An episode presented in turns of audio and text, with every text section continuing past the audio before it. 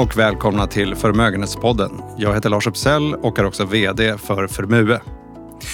Idag ska vi träffa Henrik Enart. Välkommen hit Henrik. Tack så hemskt mycket. Du Henrik, du är ju nyhetsjournalist och har jobbat med både ekonomi och nyhetsredaktion, nyhetschef va? Eh, men har kommit över mer till att jobba och undersöka runt och rapportera om, ska jag säga, runt hälsa och mat och kost och hur vi lever så länge som möjligt. Ja, absolut. Jag har, blivit, jag har halkat in på den banan kan man väl säga. Jag har jobbat på Svenska Dagbladet i många, många år nu. Så, på lite olika funktioner. Men de sista kan man säga 15 åren har jag jobbat mycket som vetenskapsjournalist och, och eh, med inriktning just på, på mat och livsstil och hälsa. Och du är till och med Guldspadebelönad, eller hur? Ja, det är jag ju faktiskt. Och tillsammans med Fredrik Mellgren vi, vi eh, grävde ju fram de här miljardrullningen vid Nya Karolinska vid bygget av, av sjukhuset. Men du, hur kommer det sig att du intresserar dig för mat och hälsa? Alltså mat, dels är det ju väldigt gott att äta mat. Så att man, är, ja. All, alla äter varje dag. Liksom. Det, det, det, är ett väldigt eh, liksom, det är ett samtalsämne som jag tror få kan slita sig ifrån. Men sen, sen är ju, alltså mat är ju otroligt intressant på många olika sätt genom att rent ekonomiskt så är det ju den, den största branschen tror jag i alla jordens länder. Va? Det, det, är en, det är en, eh, eller i alla fall en, en dominerande bransch i alla länder. Så det är liksom en ekonomiskt väldigt viktig bransch och eh, det har otroligt stor betydelse för klimatet och liksom alla de här liksom nutidsfrågorna som man, man, diskuterar, men också för hälsan. Det, jag skulle säga att det finns väldigt många som alltid pratar om motion och motion är jätteviktigt men jag skulle nog säga att mat är det absolut viktigaste enskilda för, för hälsan.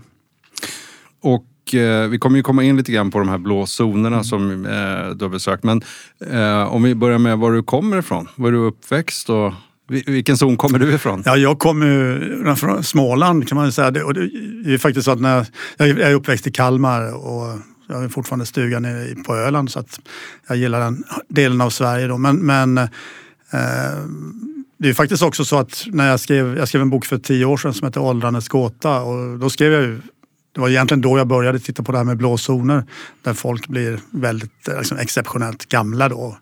Och då eh, undersökte vi bland annat i Sverige då, förekomsten. Om, om fanns det inte någon blåzon i Sverige? Och då upptäckte vi faktiskt tillsammans med Statistiska centralbyrån att eh, just i södra Småland, så Kronoberg, södra Kronobergs län och på gränsen mot Skåne och upp ju faktiskt mot Kalmar län så, så eh, blir man då väldigt gammal också.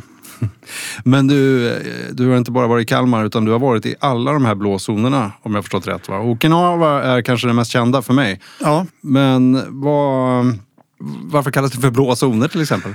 Ja, alltså det, det började ju egentligen med att eh, det var en forskare på Sardinien som hette Michel Paulin och en annan som hette Gianni Pes som, som, som började undersöka just på Sardinien och då, eh, och då satt de med en, det, de satt med en blå bickpenna helt enkelt och, och la, upp sina, sin forskningsplan och då satt de och ringade in byar då. Eh, och så började de kalla det själva då för blåzoner och sen så i den första vetenskapliga artikeln när de beskrev det här så, så använde de begreppet blåzoner och sen hade det bara satt sig. Så att, och National Geographic skrev sen en, en eh, uppmärksammade de här forskningen senare då och, och det var väl så det blev, fick en stor spridning. Men det är det de har gemensamt, de lever längre? Det, alltså, måttet är ju då att det är en exceptionellt hög andel hundraåringar. Så det är, inte, det är egentligen inte medellivslängden man räknar med utan det, det, det är chansen att bli hundra år. Vi ska försöka utforska vad som är eh, anledningen till att de blir hundra år. Ja, och det viktiga är också att, hundra år med hälsan i behåll. Va? Så att det inte det, mm, ja, det, det, det är en minst viktig, lika viktig parameter att de är mm. väldigt friska. Men du, eh, vad vad har de här hundraåringarna gemensamt? Vad är, vad är det för gemensamma nämnare de har? Alltså det, det som på alla de här platserna, det är ju alltså, jag har nämnt Okinawa, Sardinien, det är inte hela Sardinien utan östra, det Ogliastra distriktet då, uppe i bergen. Eh, sen är det också en grekisk ö som heter Ikaria och, eh, och Nicoya-halvön i Costa Rica. Då. Ibland brukar man räkna in Loma Linda också i, i Kalifornien. det är lite speciellt område. Och sen, sen, finns det ju flera andra också som kanske då inte officiellt brukar räknas in men som Cilento till exempel södra Italien. Det finns mm. områden på Kuba, det finns områden i Brasilien, i Kina södra Sydkorea. Så alltså det, det, det är egentligen bara att det skiljer lite grann på hur mycket forskning man har utfört på de här platserna. Men du frågade om vad som är det gemensamma. Ja. ja och, då, och då är ju det som nästan alla har kommit fram till, då, lokala forskare, det är att det, det är liksom inte bara en faktor utan det är en kombination av man äter väldigt sunt, man rör på sig i vardagen. Så där. Man kanske inte är triatleter men man, är, man rör på sig, man går mycket. Eh, men sen också det sociala, att man har gemenskap. Man har, man har eh, vad man brukar kalla en, i boken av en ikigai. En, en, man har, känner mål och mening med, med tillvaron. Så att det är egentligen fyra faktorer. Där. Och, det, och då säger man väl att det här sociala nätverk och, och, mål och mening, de faktorerna väger egentligen lika tungt som mat och motion. Och det är kanske inte den bilden man får alla gånger när man läser hälsotipsen i olika sammanhang. Utan det, då handlar det väldigt mycket om mat och motion. Mm. Men du, om man tittar på de här hundraåringarna då. Har de bara ökat livslängden eller har de liksom bromsat sitt åldrande? Alltså det, det, här med, det som är intressant är ju att man kan se att, att uh, man är betydligt friskare då. Alltså att, så, man kan väl säga att den här, den här livsförlängningen som man kan se, det, han, det, man kan likna det ungefär med att dra ut ett gummiband. Att det förlängs liksom inte i ena änden utan det förlängs på mitten. Va? Det, det, det här, den här typen av sunt åldrande som gör de här blåzonerna så intressant, det är just att det är egentligen medelåldern som spänns ut och blir längre. Mm. Man, är, man har den aktiva, friska delen i livet som blir längre. Sen, sen har man då en ganska, ofta en ganska kort period av liksom sjuklighet på slutet. Medan man i västvärlden ser raka motsatsen, att man, man, man får en längre livslängd på grund av mycket på grund av sjukvård och, och mediciner. Men, men eh, den sjukliga perioden på slutet blir längre och längre. Och det är ju egentligen det som är, jag tycker jag, den viktiga lärdomen då. Vi måste ta till oss de här blå zonerna. Liksom, vad är det som gör att de kan åldras på ett friskt sätt? Eh, men om du nämner det här, men, men det är inte så att man har haft lite tur med DNA-lotteriet också? Eller finns, har man tittat på det? Ja, man har tittat på det. Och det, det finns till exempel på Okinawa har man ju sett att det finns vissa gener som kommer igen i andra typer av försök och sådär. Men, men annars skulle jag nog säga att Alltså, när man frågar, såna, om man frågar, det här är en sån här fråga som egentligen ingen riktigt vet. De flesta forskarna brukar svara så att ja, men, genetiken det motsvarar kanske ungefär hälften och sen av hälften av, gene, av, av, av, genetiken är epigenetik, alltså sånt man kan påverka, gener som kan påverkas genom livsstil. Så då är man nere ungefär vid en fjärdedel som är liksom opåverkbart. Det man kan se på många av de här blåsorna, till exempel Okinawa, det är ju att, att eh, hälsan försämras ganska dramatiskt på senare år då, när, när man fått in mycket snabbmatsrestauranger. Man har ju på Okinawa en jättestor amerikansk eh, flygbas då, som man har flera, och flera hundratusen amerikaner som bor där. Och i, i dess spår har det då kommit fram väldigt mycket snabbmatsrestauranger och, och så här. Så att, eh, hälsan har ju försämrats dramatiskt hos de yngre generationerna på Okinawa. Då, så att, och det, det talar ju då för att eh, miljön är väldigt, väldigt betydelsefull. Alltså att även om man hade en bra livslängd från början så kan man förstöra det ganska snabbt. Det finns också det, just på Okinawa det finns det en, två bröder, då, tvillingbröder. En som heter eh, Craig och en som heter Brian Wilcox. En, en är på Okinawa och en är på Hawaii. Det är en ganska stor grupp från Okinawa som har utvandrat till Hawaii tidigare. Och där kan man också se att eh, de på Okinawa har levt betydligt längre än de som flyttat till Hawaii. Så att eh, det finns ganska, ganska stora tecken på att det är miljön och, och livsstilen som är helt avgörande. Men om, om man ändå tittar på Okinawa och då kanske inte på ungdomarna utan på, på de äldre. Vad, vad kännetecknas deras frukost, lunch, middag? Ja, det är en sak som det är ju flera saker, men, men eh, just på Okinawa så äter man ju en huvudsaklig, alltså väldigt mycket vegetabiliskt. Det, det är inte samma sak på, i alla de här blåzonerna. Man, det finns lite olika variationer här. Eh, men just på Okinawa så är det ganska, det är en lågfettdiet och det är ju faktiskt en kolhydrattät diet också. Man har, de äldre generationerna, de som blev äldst och samtidigt friskast, de fick ju hälften av sin energi från sån speciell sötpotatis som man hade på, på Okinawa. Sen, sen kom pommes fritesen och allt och, och, och, och, alla supermarkets och då slutade man snabbt äta sötpotatis för man var ganska trötta på det. Då. Men, men eh, stora delar av sina liv då, så, så livnärde man sig på, på just sötpotatis. Men i kombination med massor med olika örter och växter och vegetabilier förhållandevis lite fisk. Man tror ju det, nu, att man ska äta mycket fisk, men det är ganska lite ändå. För man fiskade mest från stränderna. Det är ju ett extremt tyfondrabbat område av farliga hav runt omkring. Så att, så att man gav sig ogärna ut i båtar och fiskade. Så att, mest från stränderna och samtidigt då ganska mycket alger då, som man också skördade från, från stränderna. Om man tittar på de här blåzonerna, du nämner att de är lite olika. Mm. Vad är det som skiljer sig åt och vad är likheterna?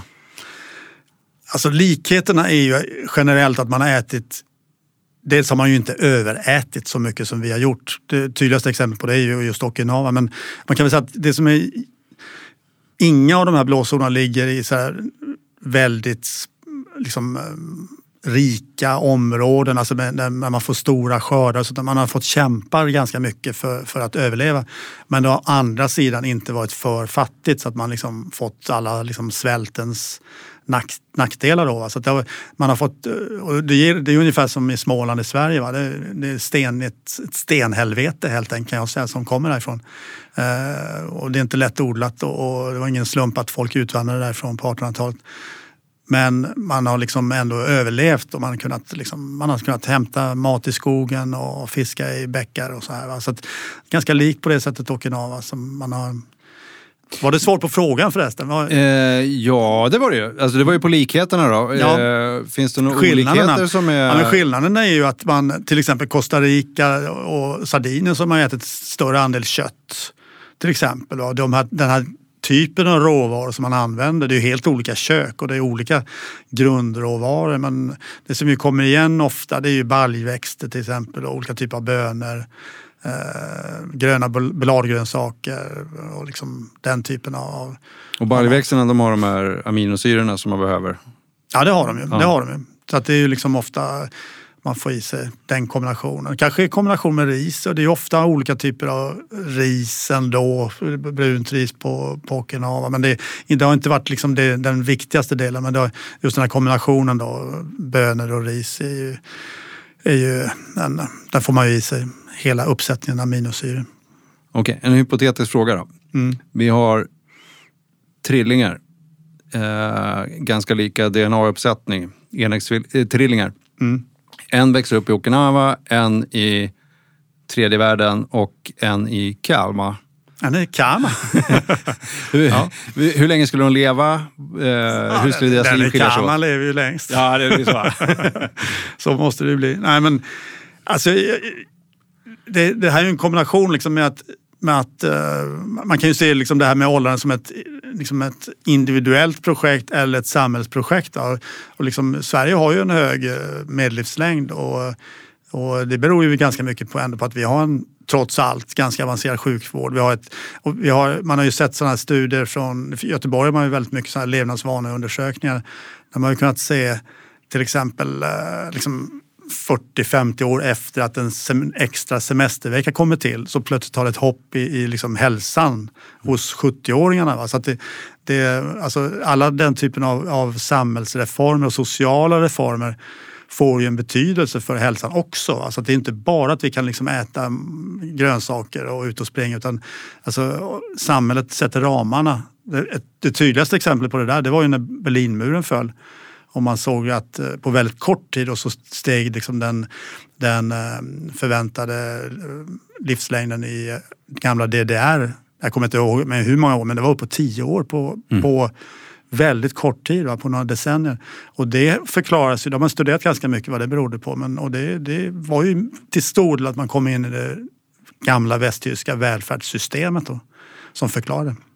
Men ska man sammanfatta det då att Okinawa, Kalmar, ungefär lika livslängd men kanske bättre om man... Ja, idag är ju Okinawa ganska... Alltså, idag är Okinawa ett modernt samhälle då, men eh, det... skillnaden är ju som jag var inne på tidigare att, att de, som, de, som blev, de som har blivit allra äldst och friskast det är ju kanske de som har växt upp på det traditionella sättet men samtidigt då kanske haft tillgång till modern sjukvård på slutet mm. av sina liv. Så att det är en kombination det här. Va? Det, det, eh, man ska komma ihåg att de som växte upp, om man tänker blåzoner på för flera hundra år sedan, då hade de ingen sjukvård alls att tala om. Mer, mer menar, man hade naturläkemedel och så, men, men man hade ju inte, där var det ju mycket trauman och sådana saker. Men det, det, man kunde dö av helt olika anledningar och under alla perioder i livet. Det var inte nödvändigtvis att man kom upp i hög ålder och att man dog av det skälet. Så att, så att eh, det där är ju... Eh, men skillnaden är ju alltså att de har varit friskare. Mm. Om, man, och, om man tittar på till exempel Costa Rica, den blåzonen i Costa Rica, det är kanske den som är mest genuin, minst påverkad av västerländsk livsstil idag. Där har man ju fortfarande extremt lite demens och det är ju fullständigt fascinerande att se när man är där och, och pratar med 110-åringar som är fullständigt klockrena i skallen. Det, det finns ju knappt i Sverige. Det kanske finns enstaka men där är de ju många. Ja, men just att du har varit runt på ah, egentligen alla de här blåzonerna. Du har pratat med massa olika människor där också. Vad, vad, vad, liksom, vad har du upplevt och vad var det myter som var sanna och myter som egentligen inte var sanna? Nej, men jag tycker väl att det, det, det, det är ju som jag säger, det här, det här att man om man tittar på de här de här allra äldsta som har levt på ett traditionellt sätt hela livet, där, där är det ingen myt helt enkelt. Utan de, det, där är det någonting speciellt som, är, som är, man måste ta till sig. att eh, Lever man så här sunt, då kan man åldras på det här sättet och vara så här frisk och, och liksom klar i huvudet på, på alla sätt och vis. Eh, sen är det ju naturligtvis så att det har ju funnits i många år liksom hype kring det här med åldringar. När jag växte upp då var det, hade ju Arla på sina mjölkpaket hade de eh, så här kazak, det var folk från Georgien var det som, som eh, skäggprydda gentlemän då, som, som påstås ha blivit 147 år gamla och så här bara för att de drack yoghurt.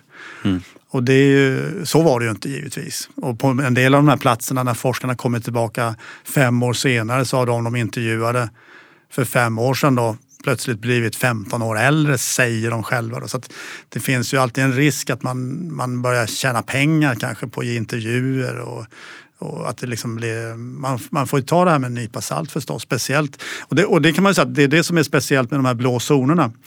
Att, det, att för att bli klassad då som en blå zon så måste man då ha bevarade eh, kyrkopapper och så här och, och liksom dokumentation som visar att, att man verkligen, befolkningen verkligen eh, föddes när de säger att de föddes. Så att det ska inte bara vara hörsägen, att man, man själva säger att man har blivit gamla. Men om vi, om vi tar den här rapporteringen som sker, som du var inne på lite grann, att man får ju hälsoråd när man läser hälsotidningar. Eh, jag har växt upp med också mjölk och det ska ge starka ben. Eh, mm. Man ska äta x antal knäckemackor om dagen. Eh, men sen kommer det ju nya metoder. Man ska äta bara liksom protein och, och fett och sen är det någon annan mm. metod som är 5-2 som Mosley kom, Michael Mosley, vad heter han? Michael, ja, Michael Mosley. Michael Mosley ja, ja. Uh, och fasta, är det bra. Men liksom, vilka råd ska man lyssna på? Alltså det, egentligen tror jag att när man har följt de här liksom, dietdebatterna i många år så, så blir det ju lite grann så att det, det är väldigt mycket liksom, eh, bara nya kläder på, på gamla visdomar på något sätt. Man ska, inte, man ska försöka att inte överäta och det är egentligen det är väl ett, ett väldigt viktigt råd för att det är så otroligt lätt att överäta i, i vår tid liksom, när det finns mat precis överallt. God mat överallt. Och sen, och sen att försöka få i sig att undvika det här som man brukar diskutera, börja diskutera mer och mer med ultraprocessad mat. Alltså som är, som är, man ska äta, ska äta så färskt som möjligt. Det behöver inte, bara, in, inte nödvändigtvis raw food tycker jag, men, men däremot liksom, ja, liksom lagad mat där man liksom på något sätt känner igen att det här är mat. Det, det är liksom inte, bygger inte på, på en massa ingredienser som man inte vet vad det är för någonting. Eh, och sen att äta varierat. Det har ju, man säger tarmfloraforskningen som ju har hänt mycket på senare år. Där har man ju kunnat se det att ganska tydligt att de som, har, de som får sundast hälsa och sundast tarmflora, det är de som äter mer än 30 olika typer av vegetabilier i veckan. Så att det inklusive kryddor och sådär. Men då, så man försöker äta varierat helt enkelt från växtriket. Ja, men det med tarmarna är väl intressant för att där har man ju kommit fram till att det har enorm påverkan på immunförsvaret. Absolut, verkligen. Det är ju integrerat kan man säga. Våra tarmbakterier de fungerar ju ungefär som arbetsledare för, för många av våra, våra egna immunceller. Så det är helt, det är helt total symbios. Du, jag tänkte på det där med, med det är lite trend också kan man säga. Det har alltid funnits vegetarianer och nu finns det flexitarianer och veganer och liksom ja. uppdelat där. Men, men alltså eh, mindre kött och... och mm. Men det kommer ju då, då vill vi äta vegetariska köttbullar och vegetariska hamburgare och vegetariska korvar. Mm. de ser inte ut som sojabönor. Eh, de är ju ganska processade. Är, är det, vet du någonting om det? Ja, alltså det, det har ju börjat diskuteras nu mer och mer att man, eh, det till och med så att det, kan komma, det skulle kunna komma i de nya nordiska näringsrekommendationerna som kommer nästa år att, att äh, dra ner på ultraprocessad mat. Det är nog en liten förhandlingsfråga där kan jag tänka mig. Men, det, men till exempel amerikanska American Heart Association som är en väldigt tung organisation. De har ju nu gått ut med rekommendation i november här om att minska på det ultraprocessade. Och, och, och där har man ju mycket av de här veganska alternativen. Alltså, det, det, det är därför man börjar tala liksom vegetariskt av hög kvalitet och då menar man ju liksom, då ska det ju vara liksom just det här varierat, färska råvaror, liksom, eh, bra vegetabilier, va? bra vegansk mat eh, är hälsosamt. Men om man, äter, om man bara tar bort köttet och bara har kvar skräpet, då, är det, då är det ju, blir det inte bra för det. Va? Nej, för du kan ju dricka en Coca-Cola och ta en cigg och det är ganska veganskt. Absolut, och det är ju inte nyttigt. Va? Så det, är, det är inte bra på, för något. Att dra ner på kött kan ju... Man, liksom, om man tittar på klimatet och effekterna där så äter vi mycket mer kött idag än vad vi gjorde bara för några decennier sedan. Den konsumtionen skenade ju i Sverige under galna kosjukan. Det var ju prisfall då så att det var när övriga Europa inte ville äta så mycket kött då, då de, de ganska pengamedvetna svenskarna såg sin chans då och började öka sin konsumtion istället.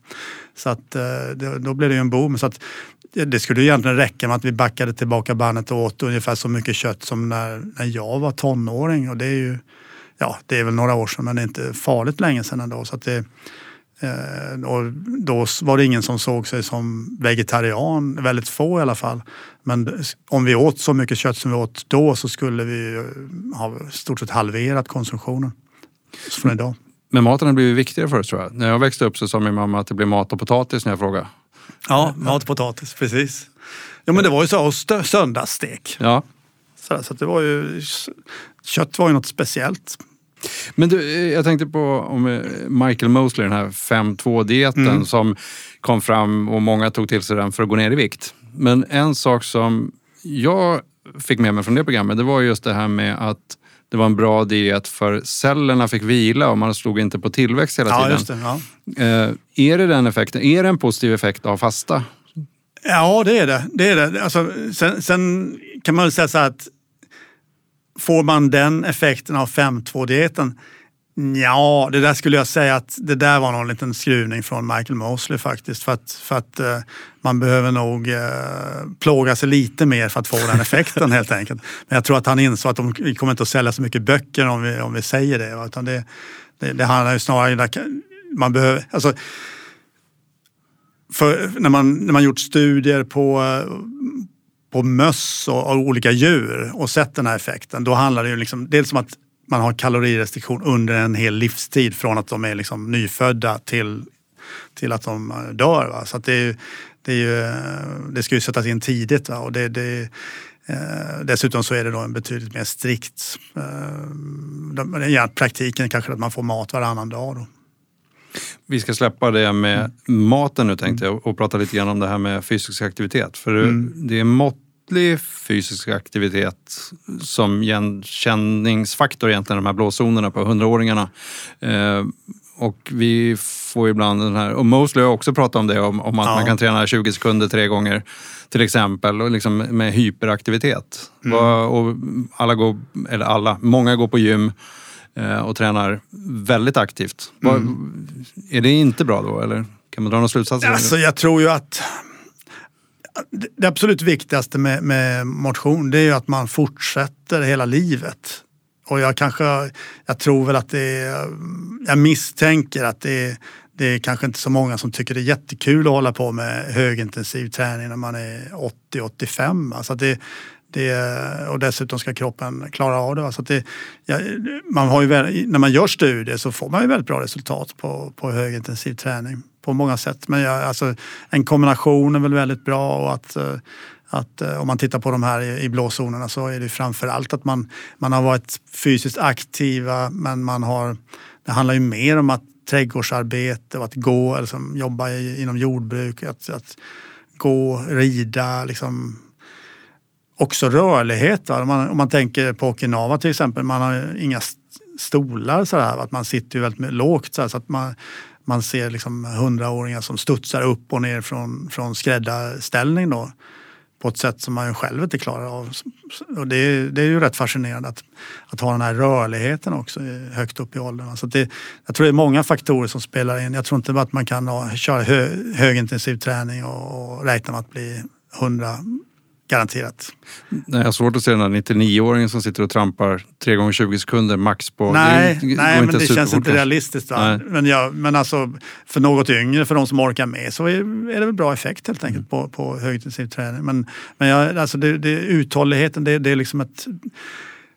Det handlar om att hålla in i kaklet som man säger. Det, och att hålla igång med, även med fysisk aktivitet in i kaklet. För det, det där är ju någonting man har sett ofta på det är vanligt med, med elitidrottsmän som först tränar enormt mycket och sen bara lägger av i stort sett. Va? Och liksom, då kan man fråga sig, vad, är det bäst att träna första eller andra delen av livet? Det är antagligen bättre att träna andra delen av livet i måttlig takt. Va? Så att, sen är det också, om man, om man tänker ekonomi, jag är ju gammal ekonomijournalist, och om man tänker avtagande avkastning. Va? Så, att, så att en väldigt stor del av hälsoeffekten Kanske inte när det gäller, eh, det kan vara en annan sak om man vill toppa resultat och sådana saker. Men, men om man, en stor del av hälsoeffekten, den får man ju ut på det första man rör sig. Sen efter ganska snabbt så, når man ju, så börjar ju nyttan plana ut. Och det blir liksom men vänta, vad menar du nu? Är det den du gör i tidiga år eller menar du det första du gör på dagen? Nej, det första jag gör på dagen kan man ja. säga. Ja.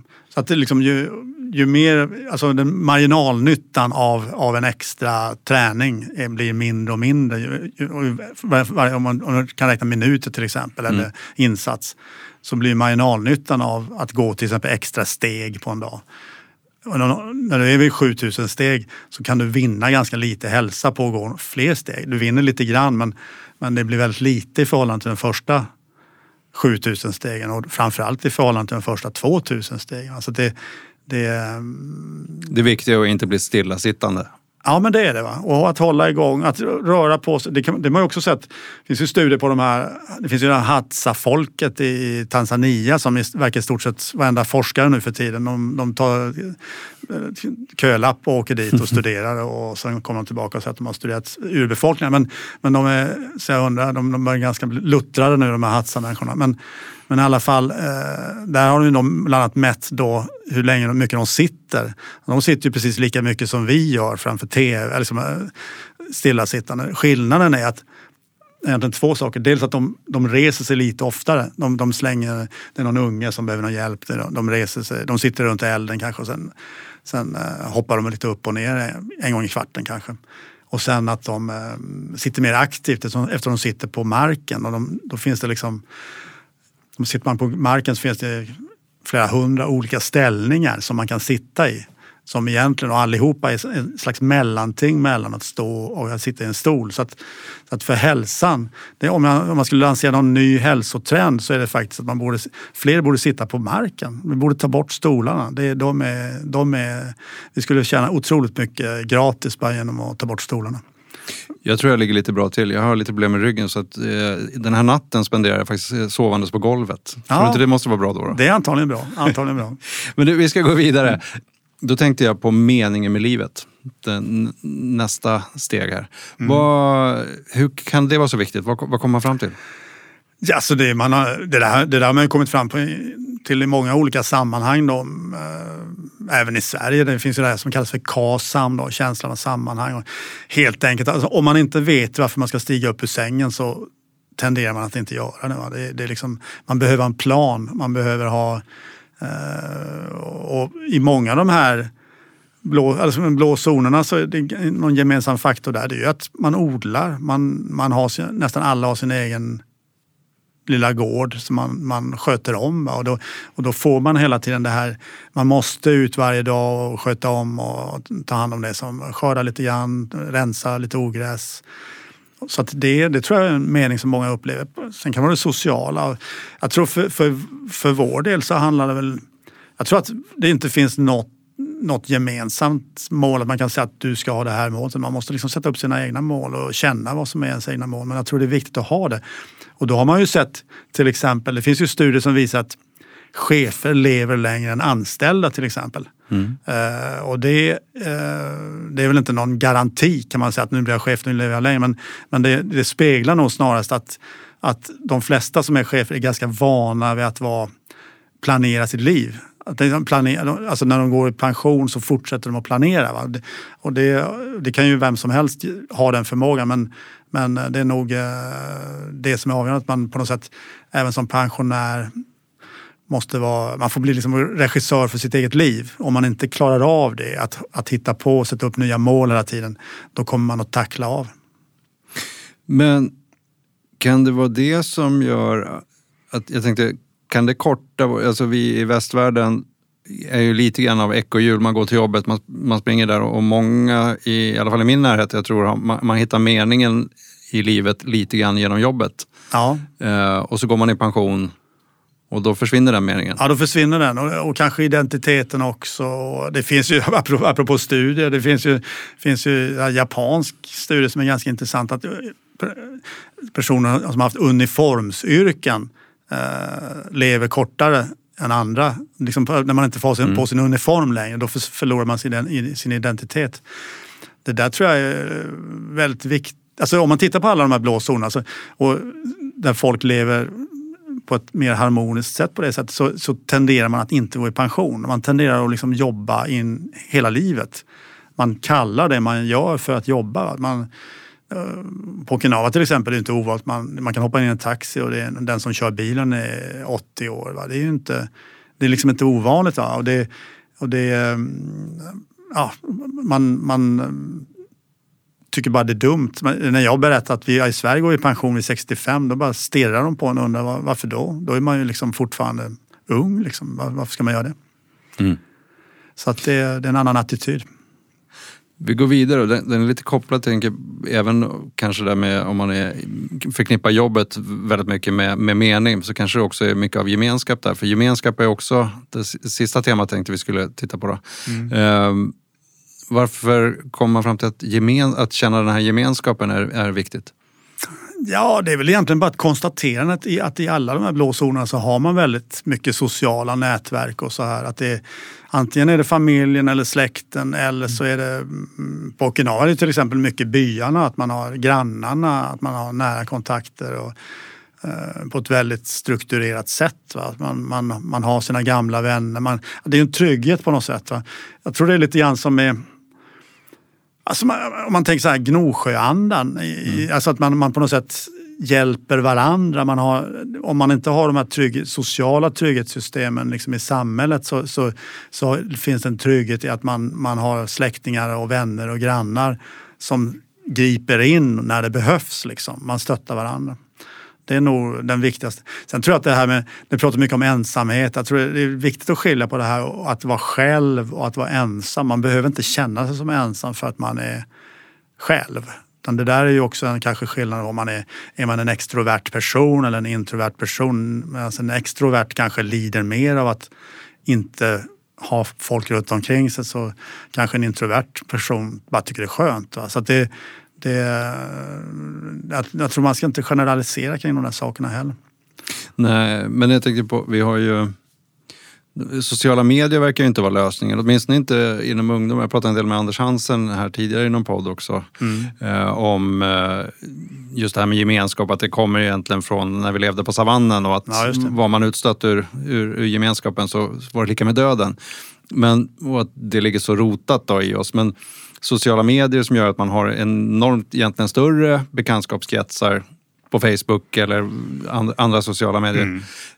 Men det verkar inte hjälpa där. Så det kanske inte hjälper heller i det här sammanhanget. Nej, jag tror att det, det, det är väl väldigt mycket som tyder på att det där att ha några nära vänner kan räcka liksom, för att mm. uppfylla det behovet. Va? Det, jag tror att han, han har ju helt rätt på det. jag tror han har skrivit det någonstans där också. Just Anders Hansen, just att, att det här Alltså, så många människor som man träffar under en livstid på, på savannen, det mm. träffar man i, på tio minuter i tunnelbanan. Liksom, man rusar genom T-centralen. Det, det, är så många möten som man, som man liksom inte är skapt riktigt för att hantera. Nej, men du, vi börjar närma oss slutet. Det här är så oerhört intressanta teman, men eh, skulle kunna hålla på länge. Vi börjar närma oss slutet här, men jag tänkte vi skulle titta på världsrekordet i ålder. Mm. 122 år om jag är rätt informerad. Ja, just det. det stämmer. Fransk kvinna. Mm. Jean Calment. Jean Calment. Eh, spelade tennis, eh, gjorde en del andra aktiviteter. Var också då aktiv eh, ja. långt upp i åren. Ja, det var hon. Var ju, hon är ju en sån här det, det, är lite spännande med en del av de här supergamlingarna. Att de flesta av oss andra vi behöver ju liksom leva sunt för att komma upp en bit i åren. Då. Men, men en del av de här supergamlingarna de tycks ju också ha någon, apropå det här med gener, att komma upp i de här 120-årsåldern och, och nära där.